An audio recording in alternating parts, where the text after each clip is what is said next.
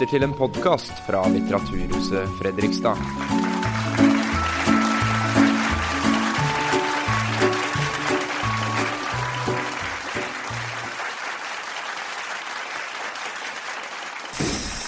Takker for den hyggelige introduksjonen. da. Med de vanlige overdrivelser.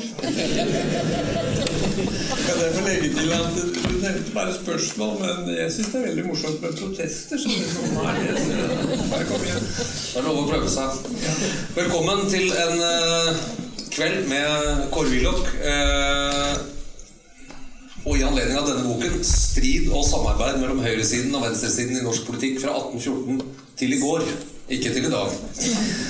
Det er litt viktig, for jeg har ikke tenkt å gå inn på debatt om Erna Sundberg i regjering. Men bilfritt sentrum i Oslo, det skjedde i går. Ja, men det, det er bare delvis for Jeg vil aldri selv i sentrum, men jeg syns vi skal ta det litt gradvis. altså.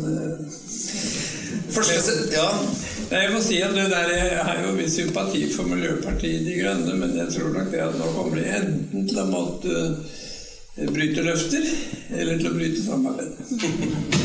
eller bryte sammen. Ja, kanskje. Første setning i denne boken, eh, Kåre Willoch, der står det eh, 'Historie er viktig'. Senere i boken så gir du ros til eh, Francis Sejersted, som nylig gikk bort, og de andre som skrev Høyres partihistorie. Og jeg forstår deg slik at du mener at kjennskap til historien, det er ikke bare spennende og interessant, men kan også være helt konkret nytte for den som skal gjøre noe i dag. Eh, spesielt også politisk. Så da blir jo mitt første spørsmål hva kan vi lære av historien om striden mellom høyre- og venstresiden i norsk politikk? Ja, det, det er jo hele boken, det, altså. Jeg går jo gjennom eh, interessante perioder her, og eh, jeg kan si Det positive som jeg også fremhever, er jo at vi har sett tilfeller hvor strid liksom har munnet ut i et stort fellesskap. Og av de ting som eh, jeg syns er mest positive når det gjelder høyresiden og venstresiden, og da taler jeg ikke om partiene høyre og venstre, men om alle partiene til høyre og til venstre, er eh, det store fellesskapet om eh, sosialpolitikken og velferdsstaten. Av de ting som jeg syns er veldig tilfredsstillende å ha fått lov å skrive ned og referere historien, er at velferdsstaten er et felles prosjekt for eh, nær sagt alle politiske partier i Norge, og at det ikke begynte i vår nære fortid, som mange tror, men at arbeidet med denne velferdsstaten begynte i 1880-årene.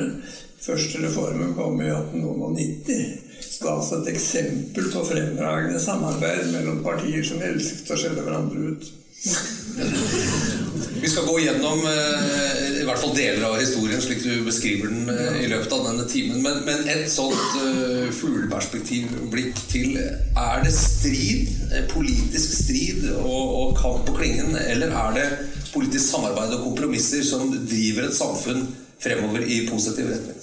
Ja, der må jeg si ja takk, begge deler. Eh, For det er jo klart at uh, veldig mange moderne samfunnsspørsmål, det er for så vidt helt helst i nåtiden, er jo så kompliserte at man når ikke frem til de gode resultater uten at uh, folk med ulike meninger kommer sammen og diskuterer, lærer opp hverandre. Eh, Så det er eh, både debatt, strid og det at man når frem til felles løsninger som medfører at det går veldig bra. Så har vi hatt lange perioder hvor man ikke nådde frem til felles løsninger, og hvor det ikke gikk veldig bra. Eh, I verdenshistorien er det veldig lett å se. I norgeshistorien ser man jo det i mellomkrigstiden. Jeg redegjør i min bok for at jeg syns det er veldig trist å se med etterpåklokskapens øyne hvor mye uklokt man gjorde i mellomkrigstiden. Men eh, jeg bruker å si der jeg syns den borgerlige politikken i mellomkrigstiden var beklagelig, og alternativet var meget verre. La oss da gå til historien, eh, og vi begynner da med 1814. Eh, Du skriver i boken at den eh, klassiske høyre-venstre-aksjen, slik man kjente den i 1814, eh, den spilte egentlig ingen rolle i Norge da? Kan du forklare det? Nei, ikke i Norge egentlig. Altså, begrepet høyreside og venstreside dukket jo opp i Frankrike. Hvor man hadde en forstokket adel på høyresiden og etter hvert stadig mer ytterliggående eh, demokrater som gikk over til diktatur på venstresiden. Denne problemstillingen hadde ikke vi. Eh, I store deler av den første tiden etter 1814 så var jo striden mellom konge og folk meget viktigere enn det man kunne kalle høyresiden og venstresiden. Men jeg vil gjerne benytte anledningen til å skrive om min beundring for slekten fra 1814.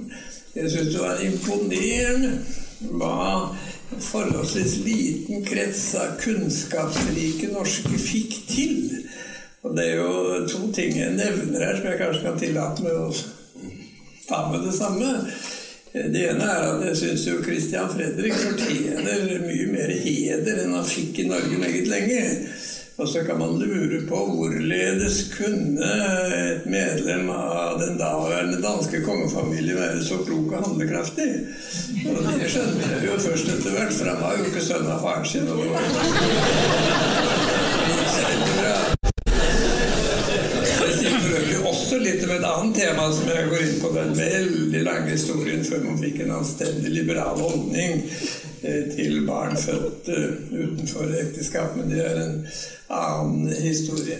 Det andre spørsmålet som jeg etter hvert måtte stille meg selv Stemmer det det inntrykket at de norske forhandlerne i 1814 forhandlet med svenskene, var dyktigere?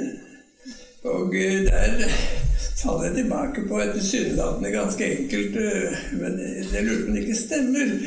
De, de, de, overlistet de svenske forhandlerne, for de svenske forhandlerne var adelige, og jeg tror ikke det var godt for den mentale utvikling. De hadde vokst opp i et litt mer krevende miljø, eh, og klarte derfor å få til en grunnlov etter eh, forhandlingene med svenskene som ga nordmenn alle de instrumentene de trengte for den gradvise videreutvikling. Først gjennom en vellykket union, og så ut av en union som hadde mistet sin relevans. Veldig interessant å studere de personene. Eh, men så er jeg jo frimodig nok da, til å nevne at det var jo én som var på venstresiden den gangen i Stortinget i 1818. Og han gikk jo inn for en masse superradikale krav som alle regner som selvfølgelig nå. Eh, til og med kvinnelig stemmerett, tror jeg. Du får lese i boken om han. Det var min tipptippoldefar, så jeg har Så Willoch-slekten er ikke som den svenske adelen? altså? Nei, jeg tror ikke det. Den var aldri adelig, men den hadde, den hadde en rot i Danmark, siden vi nå er inne på Danmark. Det, jeg kan ikke la være å nevne det, jeg syns det er litt morsomt. For min tipp-tipp-tippoldemor eh, hadde jo ansvaret for oppdragelsen av Kristian den syvende. Eh, i seks år. Og han ble sprøytegal. Det var ikke hennes skyld. Nei, etter at hun hadde gjort det meget vellykket i fem-seks år, så ble han overlatt til en hertug. Og det var katastrofalt. Eh, din uh, hypotese om at, om at, de norske forhandlerne var bedre enn de svenske og kom godt ut av disse forhandlingene i 1814, du finner et bevis for det i Norges nasjonalsang også? Ja, da kom jeg frem til uh, at, Jeg La meg først nevne setningen. Tenk på det neste gang vi kommer til denne veldig tankevekkende setningen. Alt hva fedrene har kjempet, mødrene har grett, har Den Herre stille lempet, så vi vant vår rett. Dette skrev altså nasjonalisten Bjørnstjerne Bjørnson på slutten av 1850-årene. Og Det viser jo at det var en alminnelig mening i Norge, og det tror jeg var riktig, at unionen med Sverige var vellykket og riktig for Norge. Helt frem til da, og egentlig meget lenger frem. Det var først på slutten av 1800-tallet at den mistet sin relevans, og, og, det var viktig for Norge å gå ut. Men jeg syns vi skal huske dette her. Unionen var vellykket i en periode fra 1820-30 og frem til kan du si 1880-årene. Og så kom da behovet for å, å, å gjøre opp og slutte med unionen. Når det gjelder årsaken til at unionen uh, gikk over ende, så har jeg jo da et spark som jeg overlater til deg å spørre om eller glemme. Det svensk næringsliv å gjøre? Eh, Ja, altså, du- ja, altså den tollfriheten mellom Norge og Sverige, var det den du tenkte på? Ja, jeg tenkte på den fordi man opplever på slutten av 1800-tallet at svensk næringsliv presset igjennom en opphevelse av mellomriksloven som ga Norge betydelige fordeler i handelen med Sverige. Det var et slags frihandelsområde mellom Norge og Sverige som var til stor fordel for Norges næringsliv. Og så fikk altså de svenske næringsdrivende gjennomført at denne loven ble opphevet fra svensk side. Da red de jo bort det økonomiske grunnlaget for unionen og startet den prosessen som endte med unionsoppløsningen i 1905. Og det er en av veldig mange begrunnelser til noe jeg pleier å si når jeg holder foredrag for næringsdrivende. Nemlig at man skal lytte til de næringsdrivende med høy interesse og dyp skepsis. Ja, De snakker høyt ofte. Det er Vi, vi er nå eh, vi, vi, må, vi må spole litt tilbake fra unionsoppløsningen i 1905. fordi at eh, før det så får vi jo eh, en helt sentralt årstall i norsk historie. 1884 og. Sverdrup. Det sitter jo limt hos de fleste, hvis med mindre man sov i alle historietimene altså på skolen. Var debatten om parlamentarismen Var det den første store høyre mot venstre-debatten i norsk politikk? Ja, du kan nok si det, tror jeg. Og det var jo debatten om parlamentarismen. Altså dette at eh, Si kort da, det er jo Stortinget som bestemmer regjeringssammensetningen, ikke kongen. Inntil 1884 var det jo kongen som valgte regjering. Etter det var det faktisk Stortinget. Veldig viktig reform. Eh, Veldig intens debatt. Og der var jo høyresiden mot og venstresiden for. Eh, Mitt skjønn, som var tiden for denne reformen høyst moden. Og jeg noterer med interesse at mange som ble henvendt til høyresiden, var jo for dette i mange årtier før det ble gjennomført. Men høyresiden landet på et negativt standpunkt, som man bare kan beklage. Men de hadde sine grunner. Ja, for Hva var argumentene mot Ja, parlamentarismen? argumentene mot var at eh, i alle andre land med parlamentarisme, og det var faktisk eh, alle europeiske demokratier, der hadde man den parlamentariske regel som skrev seg fra England. Men de hadde noe mer, nemlig den at samtidig så kunne, innførte man at regjeringen kunne oppløse nasjonalforsamlingen og skrive ut nyvalg. Så det ble en balanse slik at når nasjonalforsamlingen, som de ofte gjør, begynte å, bruke for mye penger eller blande seg for mye i detaljer, så kunne regjeringen skrive ut nyvalg. Det ser man jo stadig i alle andre land med parlamentarisme. Det ønsket veldig mange på høyresiden i Norge, men de fikk det ikke. Venstresiden ville ikke ha dette veldig viktige elementet i parlamentarismen. Vi har ikke fått den, vi er det ikke i dag engang. Jeg tror det er en svakhet ved vårt styresett. Jeg tillater meg å nevne at hadde vi hatt oppløsningsrett, så ville det blitt stortingsvalg i 1986. Da en union av Arbeiderpartiet og Fremskrittspartiet kastet den regjeringen jeg hadde nær å, å lede. Skjønner, det er ikke sikkert det ville blitt noe valg, for jeg tror de hadde gitt seg. Jeg tror de hadde bøyd seg og gjennomført de bremsetiltak i økonomien som var nødvendig for å unngå den økonomiske krisen som kom noen år senere. Dette er altså et viktig element av historien om parlamentarismen som er kommet veldig lite frem. Og så kan jeg kanskje få lov å nevne da her at uh, som statsminister uh, holdt jo jeg jubileumstale om parlamentarismen i Stortinget i 1984. Jeg var inne på disse forholdene som jeg nevnte for deg nå. Uh, og den talen uh, førte jo da til at opposisjonen, Arbeiderpartiet, sablet ned statsministeren, som gjennom denne talen hadde vist sin mangel på historisk innsikt og brukt anledningen til propaganda. Da ble Francis Sejersted og jeg enige om at vi fikk jo nevne at det var han som hadde skrevet talen. Da ble det helt stille. Men eh, hva, hva var argumentene mot fra Sverdrup og Fløyen? Hvorfor ville de ikke ha denne oppløsningsretten som eh, da har blitt praktisert med, med hell, får man vel si, i mange andre land? Ja, jeg tror forklaringen på dette var at kongen var jo svensk. Og de tenkte seg at hvis eh, altså regjeringen liksom, de, de, de, klarte ikke tror jeg, å frigjøre seg fra den vrangforestillingen at det ville gi en svensk innflytelse over norsk politikk, men det ville jo ikke det. For dersom man gjennomførte den første delen av parlamentarismen, nemlig at Stortinget har makt over regjeringens sammensetning, så var jo kongen i virkeligheten koblet ut. Men jeg kan tenke meg at det var det følelsesmessige grunnlaget for at de ikke ville ha denne styrkelsen av regjeringens makt, nemlig at det var kongen, og kongen var svensk. Jeg tror det var et dårlig argument, men siden du spør hvorfor, så tror jeg det psykologiske spiller inn. Psykologi har veldig mye å si i politikken, skal jeg si det. Så kom eh, parlamentarismen, eh, og så kom partiene. Jeg må jo helt hit, altså før partiene kommer. Først eh, Venstre og Høyre da, i 1884. Og så tre år senere Arbeiderpartiet. Ja, nettopp. Uh, og de to siste, Høyre og Arbeiderpartiet, er jo de som har preget hele høyre-venstre-striden mest for alle oss som, som sitter her, egentlig. Uh, men, men, først altså, det får skyte ja. det, det, det, Venstre var jo lenge et dominerende parti. Eh, men Venstre var helt fra begynnelsen av slik som det har vært i hele den tid jeg erfarer, nemlig at de hadde en fremragende evne til å bli uenig med hverandre.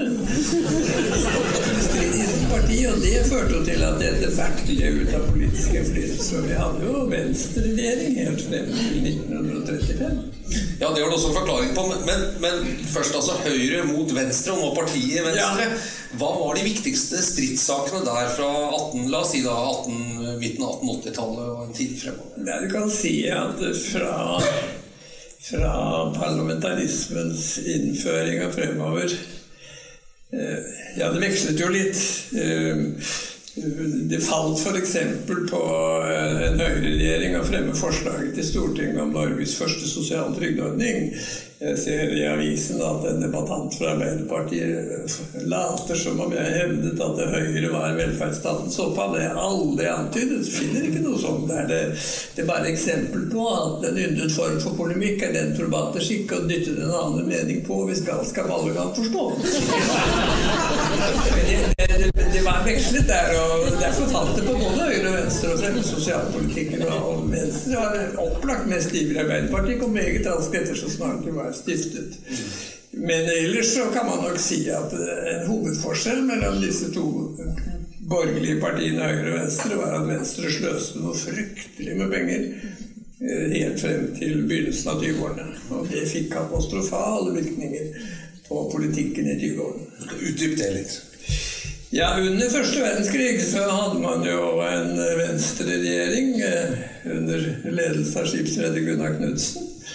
Men det var ikke slik at skipsrederne var noe nøye med regnskaper og sånn, så en masse offentlige utgifter gikk utenom statsbudsjettet uten at man var riktig klar over det.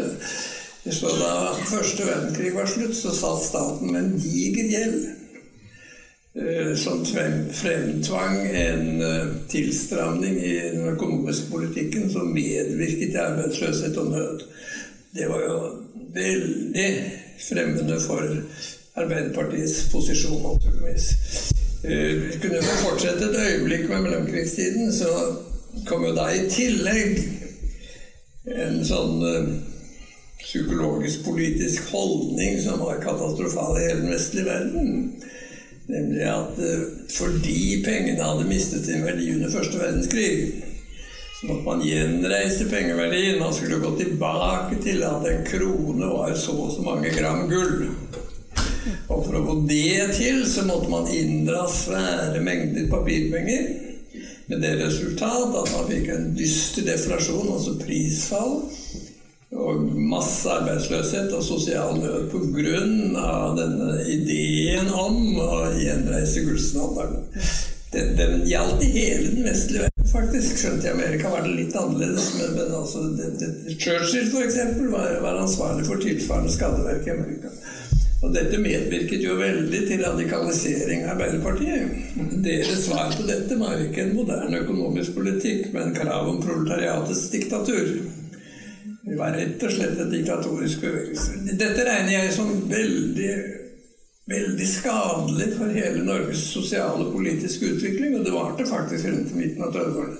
Og dette forklarer jo de voldsomme politiske motsetningene også mellom det hypersosialistiske Arbeiderpartiet Det var flere De sprakk og gjenforente seg, men det var hele tiden supersosialisme, proletariatets diktatur og borgerlige partier ikke klarte styringen. Så den som vi oppfattet til propaganda om mellomkrigstiden, som jeg opplevde i min første tid i politikk rett etter krigen, det var egentlig berettiget. Det var dårlige greier, jeg må innrømme det. Bare alternativet var verre. For å gjennomføre sosialismen ville jo stoppet det hele. Og De som leser boken, eller har lest den, vil jo se at økonomisk politikk og skillelinjene som går i økonomisk politikk, og som jo eh, var jo til dels veldig tydelige eh, under høyrebølgen på 80-tallet. Mange av Ja, debattene mellom Ja, deg og Gro. Harlem Brundtland var jo eh, dreide seg om økonomisk politikk. Ja, ja, mye. mye. Og, og Ikke bare Ja, Nei, altså jeg føler trang til fordi noen Jeg har hørt av og til noen nevner liksom Høyre var bare økonomi osv. Langt ifra. Det var jo også kultur. ja. F.eks. språkpolitikk. Eh, Det er en litt senere periode, men, men altså det, dette her at eh, politikere skulle styre utviklingen av, av både nynorsk og bokmål slik at disse to språkene ble til ett, det var en sosialistisk styringsidé som hadde tilslutning i masse partier. Den ble ikke forlatt før eh, etter mange, mange år. Høyre var alene mot denne tullete ideen. Eller f.eks. fra de første etterkrigsårene at man skulle styre tilgangen til høyere skoler etter det landet bestemte. At man skulle tydeligvis begrense øh, denne trangen til å studere universitetet, for det var jo så dyrt. Så det var, det var mye kulturpolitikk også, men hovedmotsetningen lå i betydelig grad i økonomien.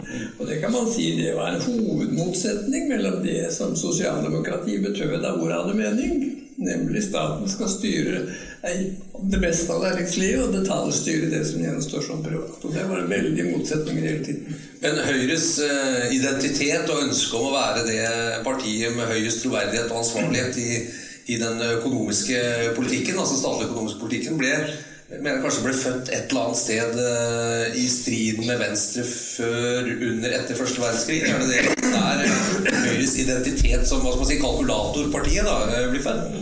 Ja, jeg tror nok vi må innrømme at den, tilslutningen til den moderne markedsøkonomien og tilslutningen til moderne ideer om hvordan man styrer økonomien for å bevare full sysselsetting og osv., den, den modnet i betydelig grad under og like etter krigen. Eh, Jeg husker jo for min egen del, når jeg skulle få være personlig, jeg studerte jo sosialøkonomi som fag i samfunnsøkonomi het den gang, under professorene Frisch og Hovenmo. Frisch var jo en superradikal sosialist. Eh, var en fremragende pedagog. Begge fikk nobelprisen i økonomi. Men det var en utbredt vrangforestilling at eh, sosialøkonomi var en slags sosialistisk økonomi. Det var langt fra Samtidig, det man lærte på universitetet, var hvorledes eh, statsmyndighetene ved hjelp av økonomisk politikk, eh, størrelsen på statsbudsjettet etter hver rentepolitikk og meget annet, kunne sørge for full sysselsetting, altså noe helt annet enn det man trodde på i mellomkrigstiden. Så det var nok først eh, under og efter annen verdenskrig at disse ideene om moderne økonomisk politikk slo gjennom, og de slo gjennom alle partiene. Eh, Man trodde visst at når man hadde studert under Frisch, så ble man sosialist langt ifra. Eh, De som studerte under Frisch, hørte hans mange foredrag og lange forelesninger og skjønte ikke så mye av noe av det. Vågmo derimot var helt annerledes. Per Kleppe var fresh, frisch disippel. Ja, han var frischianer. Vi må ikke si noe galt om han, for han var min gode kamerat i studietiden, men enige var vi ikke. Eh, Vi, vi eh, skrur, må skru litt tilbake til, eh, ja, til mellomkrigstiden, for du nevnte den helt i innledningen her. Altså, store deler av Arbeiderpartiets hva skal man si, ytre tradisjoner og kultur, sangene, flaggene, plakatene Plakatene på de som har vært i Folkets hus eh, på Youngstorget. Vi ser liksom inn i heisen der med massemøter og mønstringer. 1. mai det er jo hentet fra mellomkrigstiden.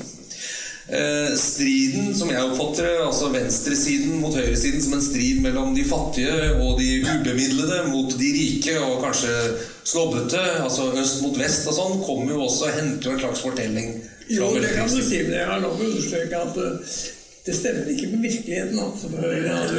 Nei, det var, det var et veldig godt propagandabilde, og det er riktig det at det, det var et slags flertall for Høyre blant skipsledere og sånn. Veldig mange flere helt normale mennesker som, som var for Høyre. Det var. Men stort sett var det jo slik at uh, lønnsmottakere med lav inntekt, arbeidstakere osv., de strømmet jo i betydelig grad til det raskt voksende Arbeiderpartiet. Men var eh, mellomkrigstiden mest strid? Eller var det noe konstruktivt samarbeid? Jo, man må nok si at det var mest strid, tror jeg.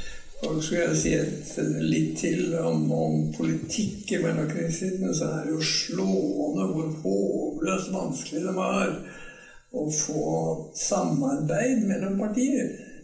Da at Arbeiderpartiet ikke ville ha samarbeid med det de kalte de borgerlige partier, det skjønte man jo, fra avstanden var jo total. Altså Arbeiderpartiet var jo for det sosialisme, rett og slett, altså som de senere har gitt opp. Men at de såkalte borgerlige partiene ikke klarte å samarbeide bedre selv, det var jo pinlig. For vi hadde ustoppelige mindretallsregjeringer og regjeringsskifter hele tiden. Og det er klart at det gjorde det veldig vanskelig å styre økonomien, slik at folk flest kunne få det så godt som moderne teknologi og alt dette tillot.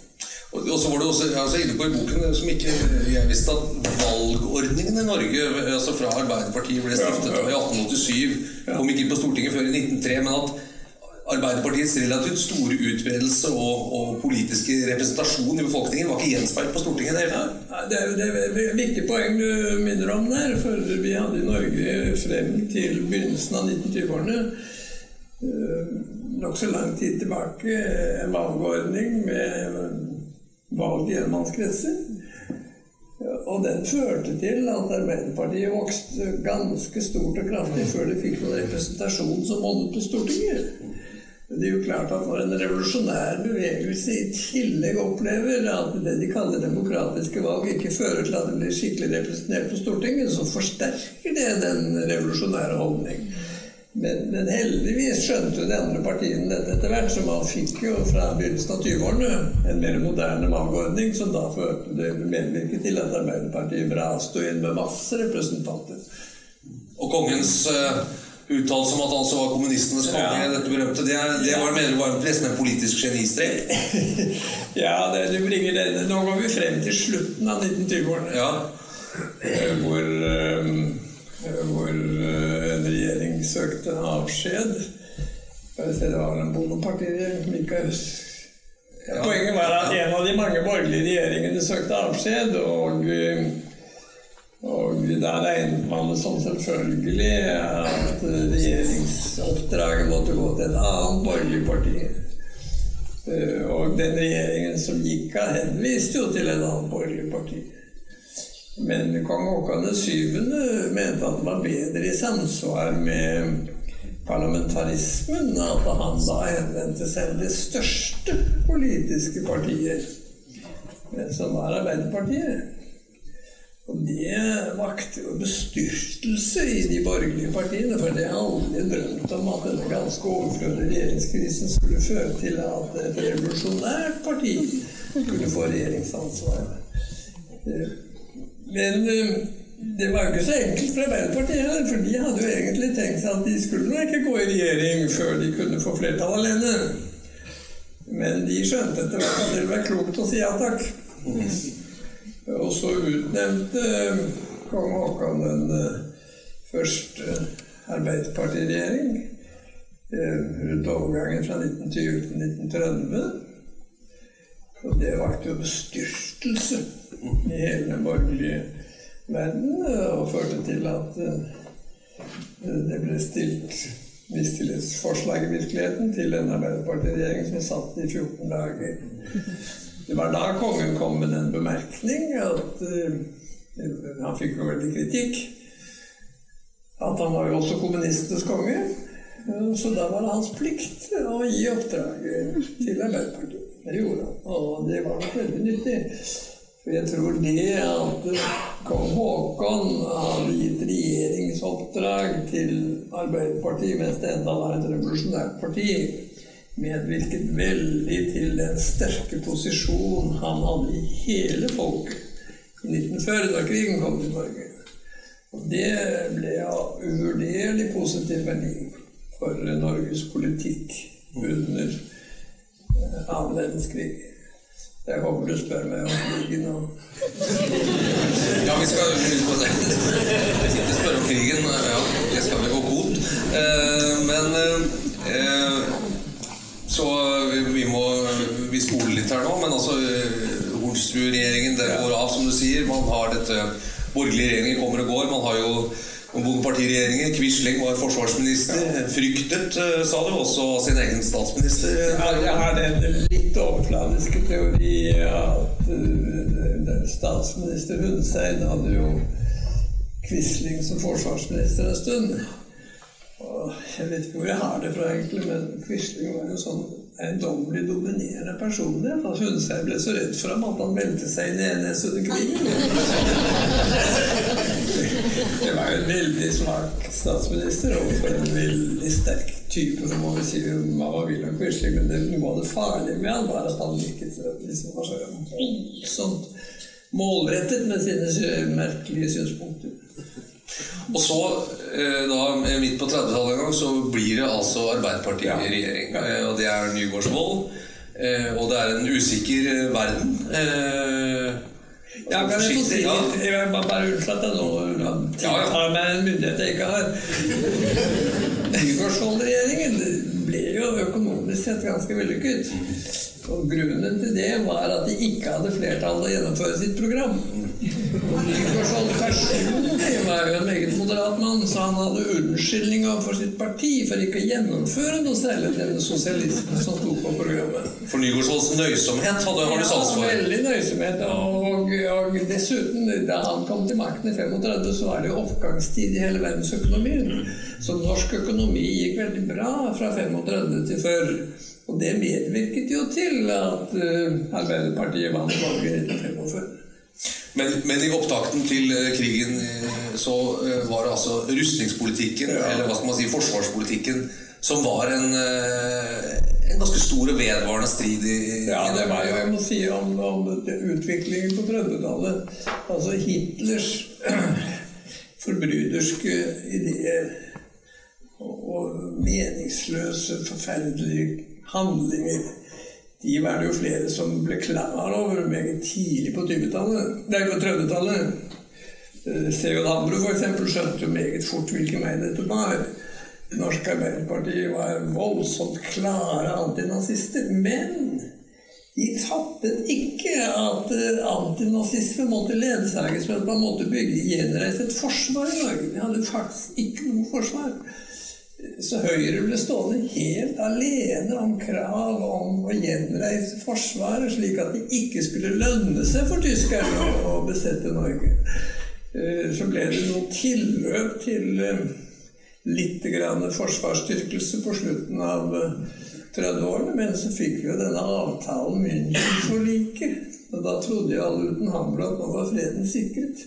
Så da bremset man forsvarsutviklingen. Helt bortreist fra virkeligheten.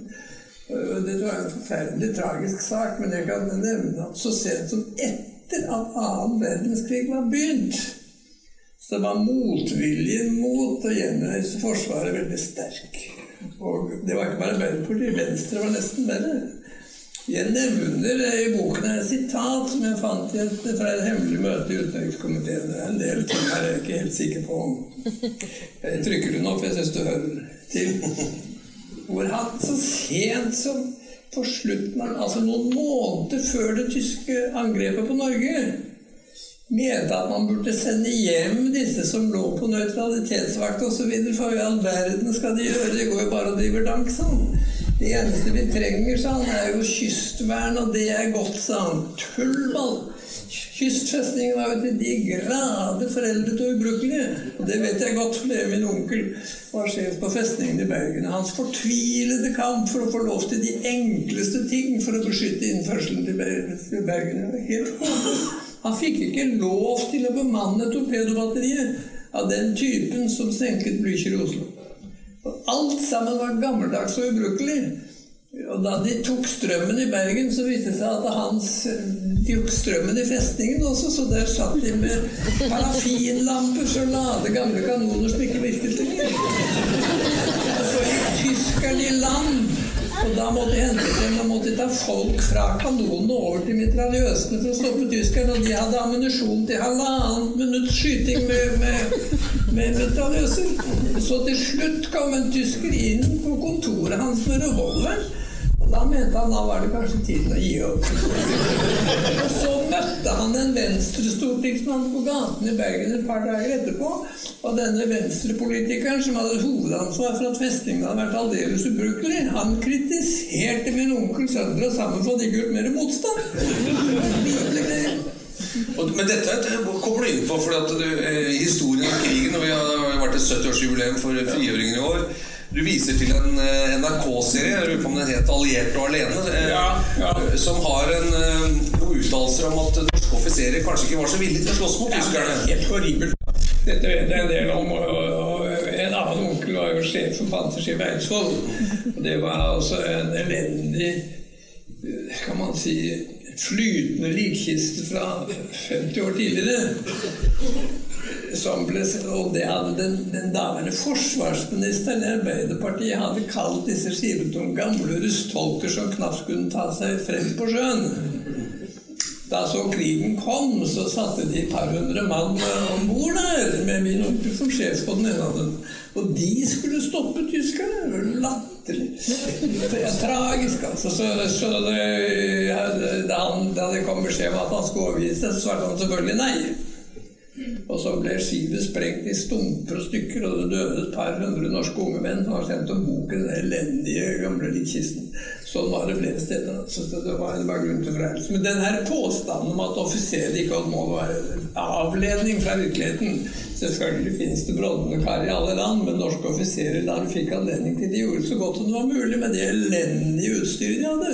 Det var jo virkelig. Men at det gikk an å ikke se hva Hitler holdt på med i Europa før 9. april, var jo helt tragisk. Jeg tror, jeg tror faktisk at det skulle ikke mye forsvar til før det ikke hadde vært lønnsomt for tyskerne. Man tror liksom at det var millioner som rullet innover Norge. Det var 6000-7000 mann som kom i første bølge. Ja, Hvor mye mer skulle til, tror du? Nei, altså Norge, Hvis bare kystfestningene hadde vært modernisert, skikkelig kanoner og torpedoer og greier, så hadde de ikke kommet inn. Nei. Tror du de hadde prøvd seg da? eller? Nei. Da hadde de gjort noe annet. Da ville de, de sto jo foran angrepet mot vest, så de ville bevart styrkene der. De hadde tatt Danmark, og så mest sannsynlig.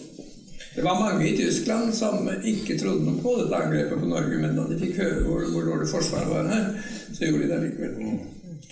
Eh, vi, vi skal tilbake til historien, men jeg kan ikke la være å spørre nå med, med et eh, mer militaristisk og Russland.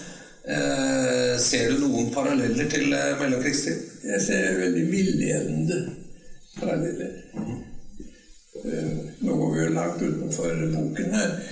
Vi er en lukket forsamling. altså. Ja da, nei, det er ikke det, det, er ikke det at det lukter altså, jeg, jeg har ingen illusjoner om Russland, men jeg må jo si at eh, når man begynte å snakke om at Ukraina skulle kunne bli medlem av Nato, så ville det bety at amerikanske styrker kunne rykke frem til 500 km fra Moskva.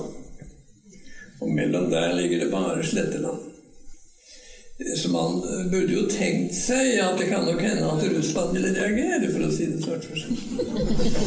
Og hvis du nå tenker på Krim, så er forholdet for det første at det bodde overveldende flertall av russere som ville til Russland. Og for det annet, der lå den eneste brukbare flåtebasen som var hjemmebase for Russlands flåtestyrker i syd.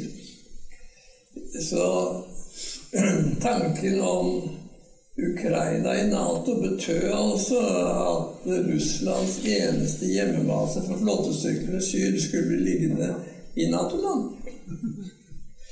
Selvfølgelig burde russerne ha funnet seg det, men man burde ikke bli, altså, det var ikke noen overraskelse for mange at de reagerte negativt.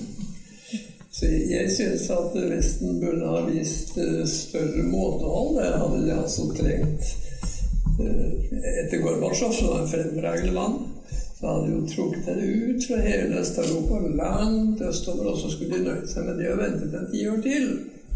Slik at liksom freden kunne satse. Men da at Russland da reagerte mot tanken på at også Ukraina skulle komme med i Nato, eller det minste i EU, som jo også er under utvikling til en militær allianse Man burde ikke bli overrasket over at russerne der reagerte. Jeg syns ikke det var helt Det var ikke politikk i samsvar med, med de klokeste tidligere vestlige ledere. Ta det med ro, vent litt, gi dem tid. Tilbake til krigen. Eh, og Du har nevnt han en gang allerede. og Da vi sto og ventet i, i fløyen her før vi skulle på, og, og Merete Lie kalte deg den, eh, den mest kjente, eller den mest fremstående borgerlige politiker etter krigen, så sa du at uh, nå levde jo Hambro til 57, hvis jeg har hørt riktig? Ja, han gikk ut av politikken i 57. Han gikk ut av politikken i 57. Nettopp, ja. Eh, Hambro er en sentral figur i din beretning om, ja, krigen her. Eh, fortell. Hvorfor var Hambro så viktig?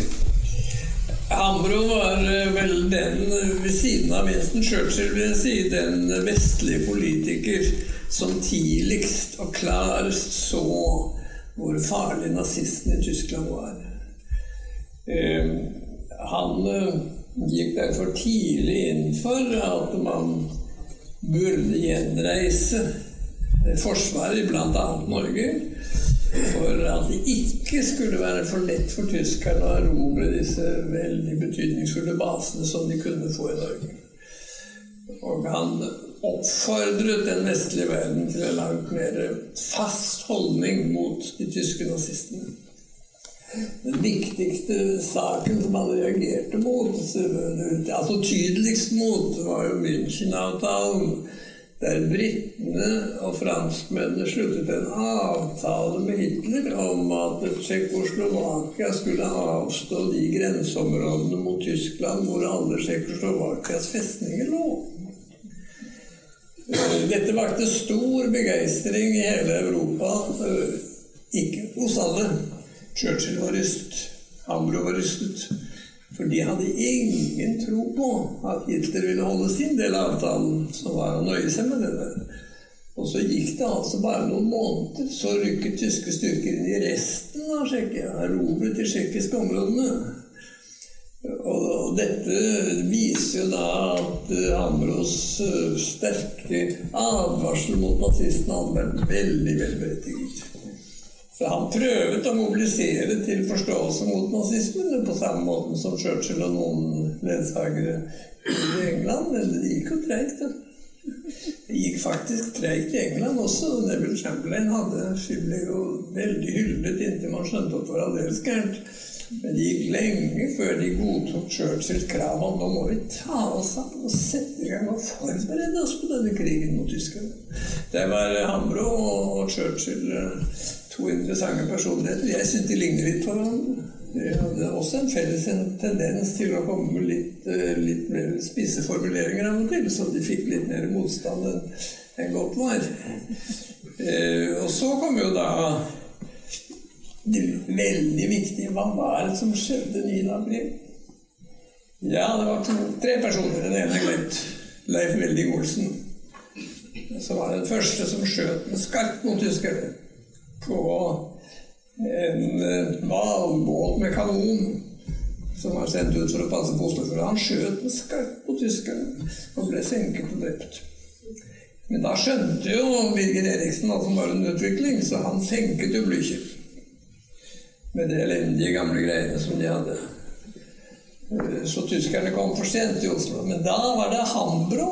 Det var Hambro, faktisk. Det jeg tror nesten alene som uten å myndigheter, bevilgninger eller penger, noen ting, bare bestilte tårn og greier, og ordnet med at kongen og regjeringen og Stortinget kunne reise først til Hamar og så til Elverum for å komme unna den tyske okkupasjonen. De klarte å komme unna. Ble ikke tatt i fange. Så var det Hambro som eh, fikk vedtatt Elverumsfullmakten, som ga kongen og regjeringen den fullmakt de trengte til å være Norges representant og styre alle norske interesser, uansett om de måtte gjøre det for utlandet. Dette var veldig viktig. Tenk på den svære handelsmåten og alt dette her, som Norge betød veldig viktig for krigføring. Det fikk han vedtatt enstemmig. Ja, det si han var så lur at han ba ikke om avstemning. Han konstaterte at det var vedtatt. Kolossalt betydningsfullt. Det, det, var Hambro. Jeg vil si uh, Birger Eriksen på Oscar Kvar og C.J. Hambro i Oslo som førte til at uh, den norske regjeringen ble ikke tatt i fange. Norge forble effektiv krigførende makt mot Tyskland helt frem til 1945. Etter mitt skjønn uh, veldig positivt betydningsfullt. Og eh, Dette står det mer om i boken, og, det, og der er det også noen karakteristikker av, av utenriksminister Koht og andre fra, men fra Elverum. Ja, ja, nå blir jeg ivrig, altså. Ja, ja. De som går bortreist, det går an å være, altså. Det er veldig for historikere, men det får man nok på. Da, sånn var situasjonen at eh, da tyskerne kom til Oslo, så beslagla de noen busser. Og så kunne de kjøre med norske busser opp for å ta kongen og regjeringen til fange på Elverum. Men der var det en eh, norsk oberst som uten noen beskjed fra høyre hold, tror jeg, mobiliserte nordmenn til å hugge ned trær, lage en sperring og bevæpne seg med den tids gamle, rare Krag Jørgensen-gevær for å stoppe tyskerne. På Midtskogen, ikke sant? Ja, på Midtskogen. Ja. Var det ikke Hatle da? det? Jo, jeg tror det var Hatlenhallet. Da ringte utenriksminister Koht til oberst Hatteland og sa at han skulle ikke skyte på tyskerne. Oversten kunne ikke tro det, så han ringte tilbake for å få snakke med Koht, og da meddelte Kots sekretær at han hadde gått og lagt seg. Spurte han, men da kunne jeg ikke få snakke. Nei, hun gikk inn og spurte ham, og så kom hun tilbake. Nei, han skulle ikke skyte på tyskerne. Men, og det var regjeringens nummer to, merket dere. Men obersten ga blaffen. Stoppet tyskerne på Midtskogen. Og det førte til at det lyktes for kongen og regjeringen, stortingspresidenten, videre komme unna. Veldig interessant sak. Jeg syns det var veldig mye verre enn mange av disse som ble dømt for landssvik etter krigen fra gjort bagateller. Altså.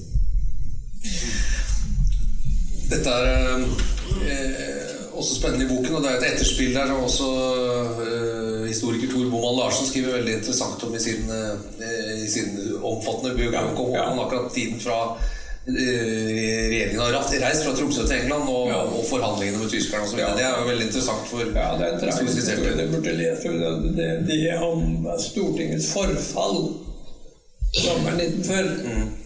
Hvor det kunne konstateres at et flertall av stortingsrepresentantene var villige til å avsette kongen. Hvorledes kunne det gå bra? Jo, det kan vi takke Hitler og, og, og for, for de var så store tosker. At de fortsatte å stille slike krav at alle skjønte at dette går ikke. Det er ikke noe stolt øyeblikk i norsk politisk altså, historie, dette. eh, Unnskyld uttrykket her, men det er en lukket forsamling. Terboven var en av de større tosker i verdenshistorien. Jeg tror det er sagt verre ting om Terboven enn det, men eh, Ja. Eh, så er krigen over. Mens mellomkrigstiden har etterlot seg faner og sanger, så er jo det andre som storheten i Arbeiderpartiets historie er Gerhardsen-epoken. Ja, Har Arbeiderpartiet grunn til å være stolt av Gerhardsen-epoken? Ja vel, nei. Gerhardsen var jo en fremragende politiker. Hans evne til å vinne tilslutning var jo overveldende. Han hadde denne fabelaktige muligheten til liksom Når han snakket med noen, så skjønte man at han var så veldig vekt på synspunktene til den han snakket med. Selv om virkeligheten var en helt annen. Han holdt orden på et ganske myldrende Arbeiderparti, så han klarte å få en sammenhengende politisk styring faktisk helt frem til 1965. 20 år. Og det var 20 år med god økonomisk vekst. Men så kom jo da samfunnsøkonomen i bildet og studerer hvordan var faktum. Statistikken viser jo klart at faktum var at denne sosialistiske politikken som han førte, såkalt planøkonomi, den bremset utviklingen. Så den økonomiske veksten i Norge i Gerhardsen-perioden var klart svakere enn i land som førte en slik politikk som Høyre gikk inn for. Særlig interessant er jo en sammenligning med Tyskland, hvor uh, Adolf Erhard, uh, som vant valget i Tyskland, det gikk over på en liberal økonomisk politikk med en økonomisk vekst som var nesten eksplosiv sammenlignet med den lave veksten i Norge. Men for folk flest var jo ikke det som var relevant. For folk flest var dette at veksten var bedre enn før. Og Derfor bevarte de sin store oppslutning helt frem til 1965. Men, men skal man studere virkninger av sosialdemokratisk politikk, og den gang var de sosialdemokrater med intens statsregulering og mye masser av statsdrift, så var den negativ for utviklingen. Men de klarte ikke å stoppe den. Og blant disse tiltakene som de la veldig stor vekt på, var altså en voldsom satsing på digre statsbedrifter. Uh, og det er vel ikke noen her som husker det, for de gikk konkurs alle sammen.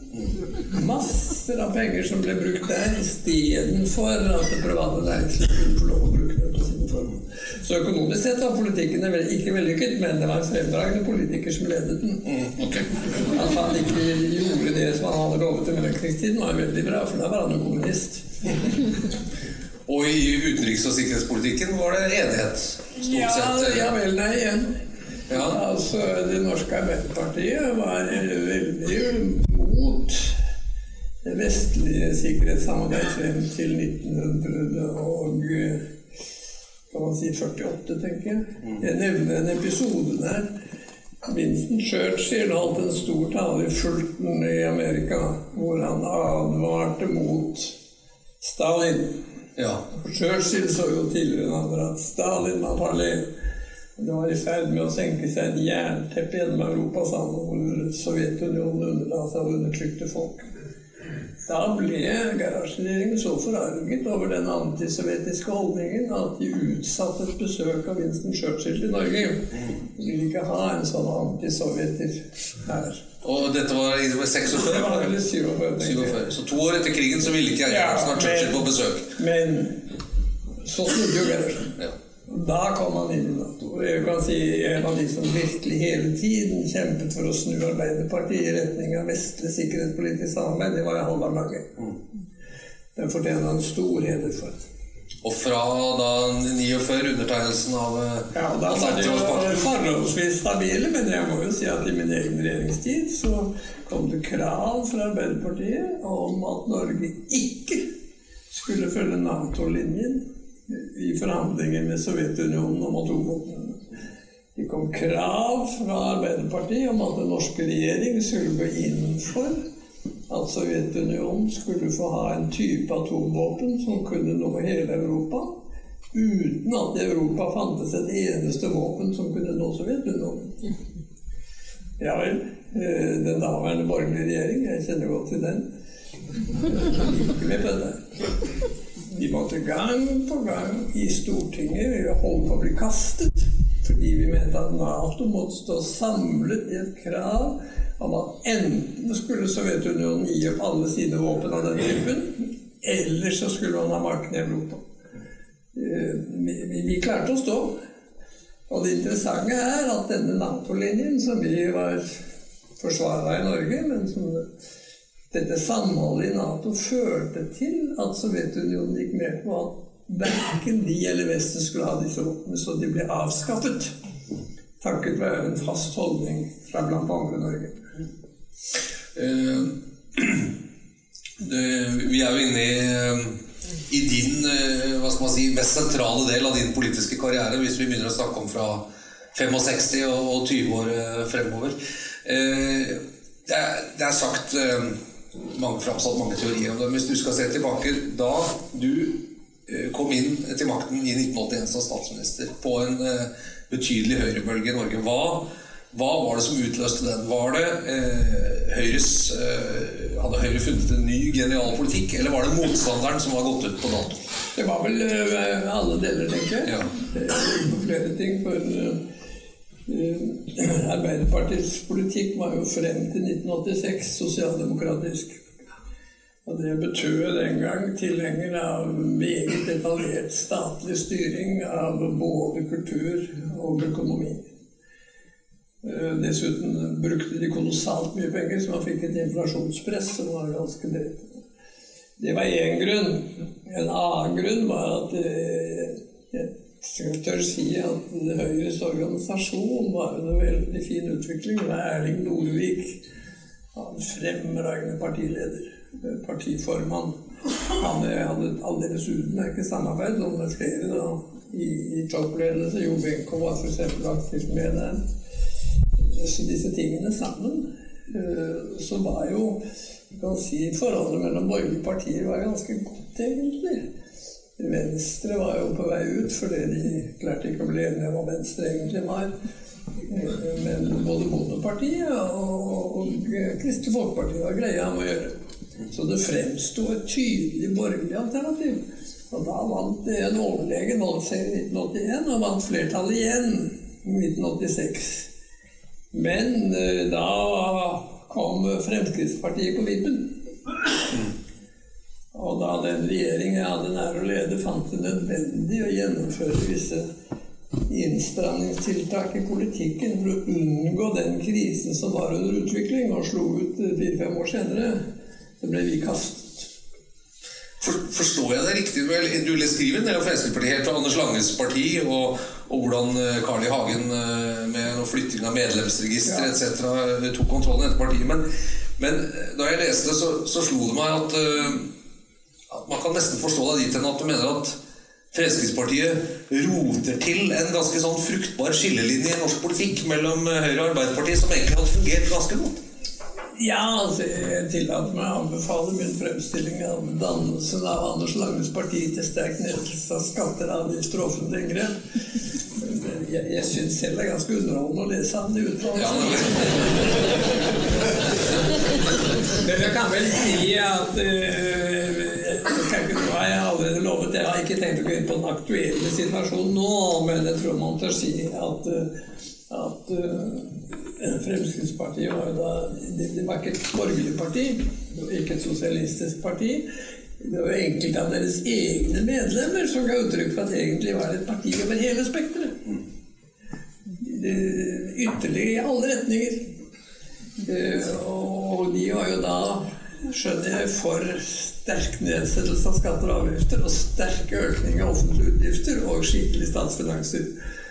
Jeg hadde ventet en litt smilende forsamling nå. For det, liksom det der at man samtidig kan øke utgiften djevels og senke inntektene til bånn og få et godt resultat, det vil ingen andre partier tro på. Så det, det var ganske vanskelig, for å si det sånn. Det er sånn vi tror i mediebransjen på det der? Så. Ja, ja, Nei, det var ganske vanskelig. Men, men det som da skjedde, var jo at Karl kom i en litt vanskelig situasjon. fordi etter at oljeprisen sank dramatisk i 1986 så var man nødt til å gjøre noen ting for å rette opp økonomien. Man kunne ikke finne oss i at bensinen ble så mye billigere at folk fikk mer råd til å kjøpe alt det vi ikke hadde råd til å ha. Så vi måtte opprettholde bensinprisen, og det betød litt økning i bensinavgiften. Ja, og det var i strid med deres religion. Så da brøt de et høytidelig løfte om å stemme for regjeringen. Og stemte mot. Ja. Eh, jeg skal bare lese et eh, Jeg må lese et sitat her som jeg La oss si hvis man kan lære av historien, som det, som det står først der, at uh, historie er viktig. med andre ord skriver du valget ga flertall til partier som ville øke de offentlige utgiftene meget mer enn inntektene i en situasjon med høy risiko for et drastisk fall i oljeprisen. Det er jo noe i dette sitatet som får en til å tenke på i dag. Ja. ja. Får en til å tenke på, men ikke snakke om. Nei, Har statsministeren fått boken? Ja, det går jeg ut fra. Ja. Eh, det, det, det, er en veldig rik bok, vi, vi, og, den, og, jeg håper vi har noen spørsmål klare her nå. Men jeg var bare helt på, på slutten eh, du, du, nevnte som du kalte en debattant fra Arbeiderpartiet. Det er altså nestleder Hadia Tajik, som ja, du har hatt på en viss polemikk med i Aftenposten her vel, rundt denne boken. Uh, konkluderer på en måte her med hvis man skal på VG-språket har sagt at det var, det var høyresiden som vant. Sosialdemokratiet av i dag har tatt opp i seg eh, en rekke av den moderate høyresidens ideer. Jeg skriver du til slutt her. Eh, men kan man ikke også si at det er omvendt? Erna Solberg bruker mer oljepenger enn noen annen regjering. En rekke man skal si, klassiske høyrestandpunkter, eh, f.eks. om sykelønn, ble forlatt før valgkampen i 2013. Noen kan hevde at det er Høyre som er blitt sosialdemokrater. Eller? Altså, altså der, jeg, jeg, ser jo det. Jeg må jo svare Tajik igjen. Altså, det, det, det hun sier jeg har sagt, er som regel ikke sagt. Nei.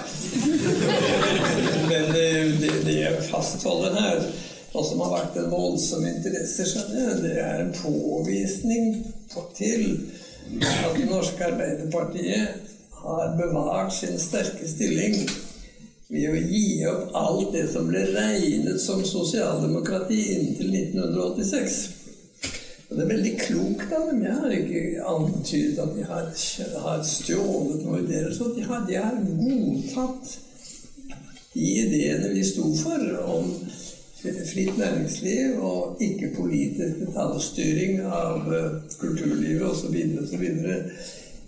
Og det, det, det, som var deres definisjon av sosialdemokrati den gang, det, det er de gått for alle sammen. Men de har beholdt navnet.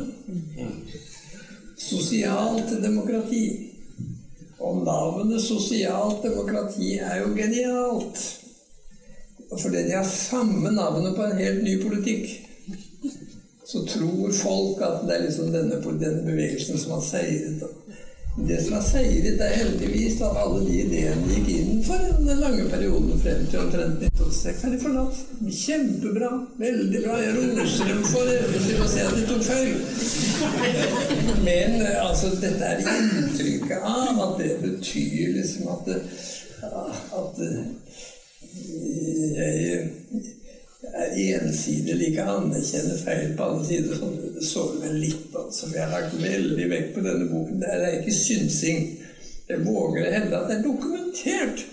Og, og, fordi jeg da våger å sitere Jeg har jo vært så merkelig at jeg har arkivert alle disse gamle partiprogrammene og alt dette her, og så leser jeg hva de mente. Og så er jeg jo så glad for at jeg har gått fra det. Men jeg har dokumentert jeg våger å påstå, jeg har dokumentert alle disse påstandene. Og så ble jeg sjikanert altså fordi liksom, synsing og sånn merkelighetspolitikk Jeg syns ikke det er riktig, men det gjør ikke noe, for eh, jeg kommer tilbake til dette her, at jeg er jo klar over at sånn er politikk. En yndet form for polemikk er den forbate skikk å dytte en annen mening på hvis galskap alle kan forstå. Jeg har sitert det før, og det slår til hele tiden. Den som får deg og Hajik i en sånn setting som dette, ville vært en, eh, ville vært en smart mann, da. Eller kvinne. ja. Og med få deg og Hajik til å diskutere dette? Jo, men jeg syns det er bedre å diskutere med deg. Ja, ok, ja. Faktisk en telefon på, på toget at kanskje vi kunne møtes i morgen. Oh, ja. ja, det er godt. Det er godt. Jeg håper det. Ja. Eh, eh, Nei, altså, jeg bare unnskyld, jeg sier ikke noe galt om personer eller noe, men de, de gjør jobben sin. Men, men det, altså, det, det, er en høyst subjektiv påstand. Det kommer ikke noen konklusjoner her som jeg ikke har søkt å underbygge med henvisning til kildene. Og det er ikke en bok om Høyre og Arbeiderpartiet, det er en bok om veldig mye mer enn det.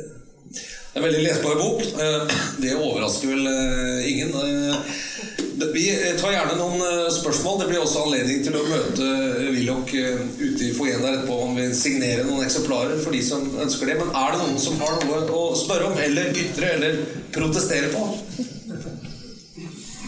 Igjen må liksom være først, for det er da det løsner. Jeg er helt sikker på at noen må ha tenkt et eller annet. Ja, der nede. Jeg, skal, jeg tror du skal få en mikrofon, skal vi se, så hører vi deg godt. Jeg lurer på om vi kunne dempe det. Jeg, jeg, kan ikke se eh, debattanten. Ja, nå går det. Ja. Ja, det er Tor Andresen. Jeg har et spørsmål til Willoch. Det er jo kjent for oss fleste at det var sterke forhandlinger mellom eh, Per Gyllenhammer, VD i Volvo, og regjeringen om eh, deltakelse i norsk oljepolitikk. Men han fikk jo ikke med seg småaksjonærene. I hvilken grad tror du det ville influert på norsk oljepolitikk hvis Gyllenhammer fikk ja til sitt ønske? Takk. Nei, altså, Takk for at du nevner det, for jeg faktisk ikke Jeg burde kanskje satt det med. Ja, ja. Eh, som du nevner, forslaget om at man skulle tildele Volvo-konsernet andeler i norske oljeforekomster mot aksjer i, i Volvo-konsernet. Høyre var mot. Det var ikke noe veldig dårlig, klart dårlig forslag fra regjeringen eh, Nordli, det der, men, men eh, vår vår konklusjon var at vi ga altfor mye for altfor lite. Og vår tillit til Volvo-konsernets fremtid var ikke slik at vi mente det var noen god idé. Så vi gikk mot, og saken ble stoppet. Jeg er litt forbauset over at det var Volvo småaksjonærer som stoppet det. Jeg tror Volvo ville tjent mye penger på det. Men jeg er glad for at saken ble stoppet. Og hvis vi ser på utviklingen etterpå, så er det jo klart at disse oljeverdiene som vi var i ferd med å avstå til svensker, de var mye større verdien av de Volvo-aksjene vi kunne fått tilbake. Det er et subjektivt syn, men det er mitt inntrykk av den senere utviklingen. Senere er jo Volvo solgt til Kina, tror jeg. Ja. Kineserne er voldsomt flinke. Jeg lærte på skolen at kinesere har gjennomsnittlig større hjerner enn europeere.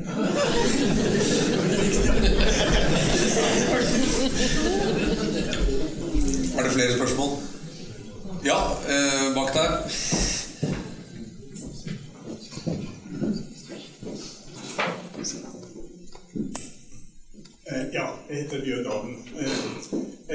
For å gå litt tilbake Jeg husker eh, Høle. Ja. Du husker sikkert at på eh, begynnelsen av 80-tallet så hadde Dag Frøland en sånn eh, revy. Og da husker du kanskje hva det gjelder? Eh, Du vet at eh, det var snakk om at eh, du fikk Du hadde jobba fra Reder- og Industriforbundet og Ja, ja. fikk lønn fra dem mens du satt Ja. på Stortinget. Ja. Eh, Jeg tenkte på eh, saken i Bergen og Bare en sånn reise hva det betyr for en politiker. Og det betydde tydeligvis ikke noe for deg.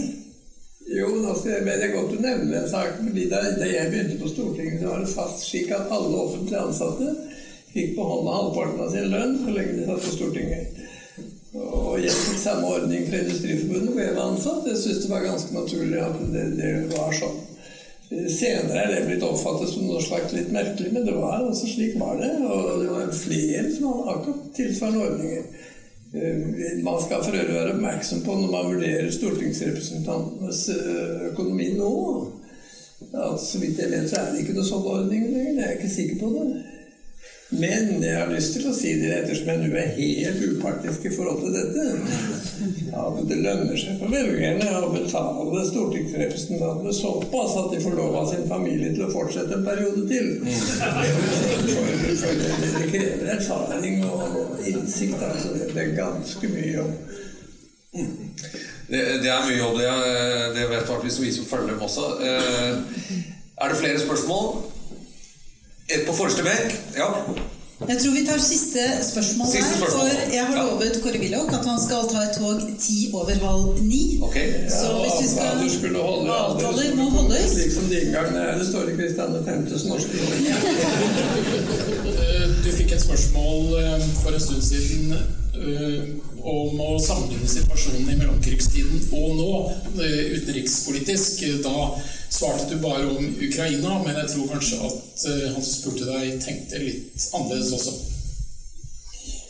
Ja, men altså Nå mellomkrigstiden var en veldig rotete tid. Men jeg jeg våger eh, å sove med sinnsro i retning av at jeg har ingen tro på at noen makt i dag har noen planer om å gå til noe væpnet angrep på noen betydelige motstander. Det er det ene. Og det andre er at det er kanskje naivt, men det, det, sånn er det. Jeg tror på Kinas øh, At de fortsatt er interessert i å bygge ut sitt eget land istedenfor å drive ekspansjonistisk. Uh, ser vi på India, så er det opplagt at det, det, blir en stormakt, men jeg kan ikke si at det er noen tilsvarende fare i forhold til det vi hadde i mellomkrigstiden. Så, så jeg må si jeg syns en sammenligning med mellomkrigstiden er villedende også. Så kommer da til det katastrofale i mellomkrigstiden. Og det var jo at med Versailles-freden så hadde man jo gitt nazistene i Tyskland så meget å klage berettiget over. Tyskerne var altså påført så mange økonomiske og sosiale lidelser og så mye nedverdigende at denne banditten kunne fortelle sitt folk liksom hvor berettiget det var, det som han holdt på med. Den faren gjorde de ikke om igjen etter annen verdenskrig. Han fikk en helt annen situasjon, så man gjentok ikke katastrofen fra Versailles-freden. Så dette syns jeg er veldig viktig fremskritt. Jeg har lyst til å nevne med samme for ordet, altså også etter annen verdenskrig så var det veldig sterke krefter som ville ha en ny hevnfred. Men heldigvis så, så, var det jo krefter i Amerika, George Marshall og mange andre, som skjønte at dette går ikke. Nå må vi føre politikk slik at alle kan få vekst og fremgang. Og det førte jo til at vi fikk denne veldig fine veksten i den vestlige verden i lang tid etter krigen, og vi slapp dette nedverdigelsessyndromet som rammet eh, etter første verdenskrig. Men skal jeg legge til noe her, så må jeg si at Vestens politikk overfor den muslimske verden har etter mitt skjønn ikke vært god. Og det er et grovt understatement. Og der eh, er vel det som kanskje holder noen eh, våkne om natten, men det får vi ta ved en senere anledning. Det skjønner jeg. altså. Jeg må jo si det når man, når man ser hva Vesten fikk til i Afghanistan og russerne til, og Vesten begynte jo der allerede på 1800-tallet. Hva konsekvensen av Irak, konsekvensen av Libya og vil jeg si konsekvensene av forsøk på å kaste Assad i Syria så syns ikke jeg den politikken fortjener ros. Altså, den var ikke klok og fremsynt. Jeg tror det henger litt sammen med at Vesten har ikke klart å forstå at dette var også en høytstående kultur. Så man skulle vise respekt, og man skulle vise respekt for deres krav om selvråderett. Med de ordene eh, så sier vi takk for i kveld.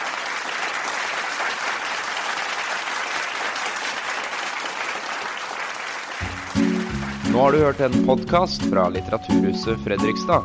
For mer informasjon, klikk deg inn på lytthusfred.no.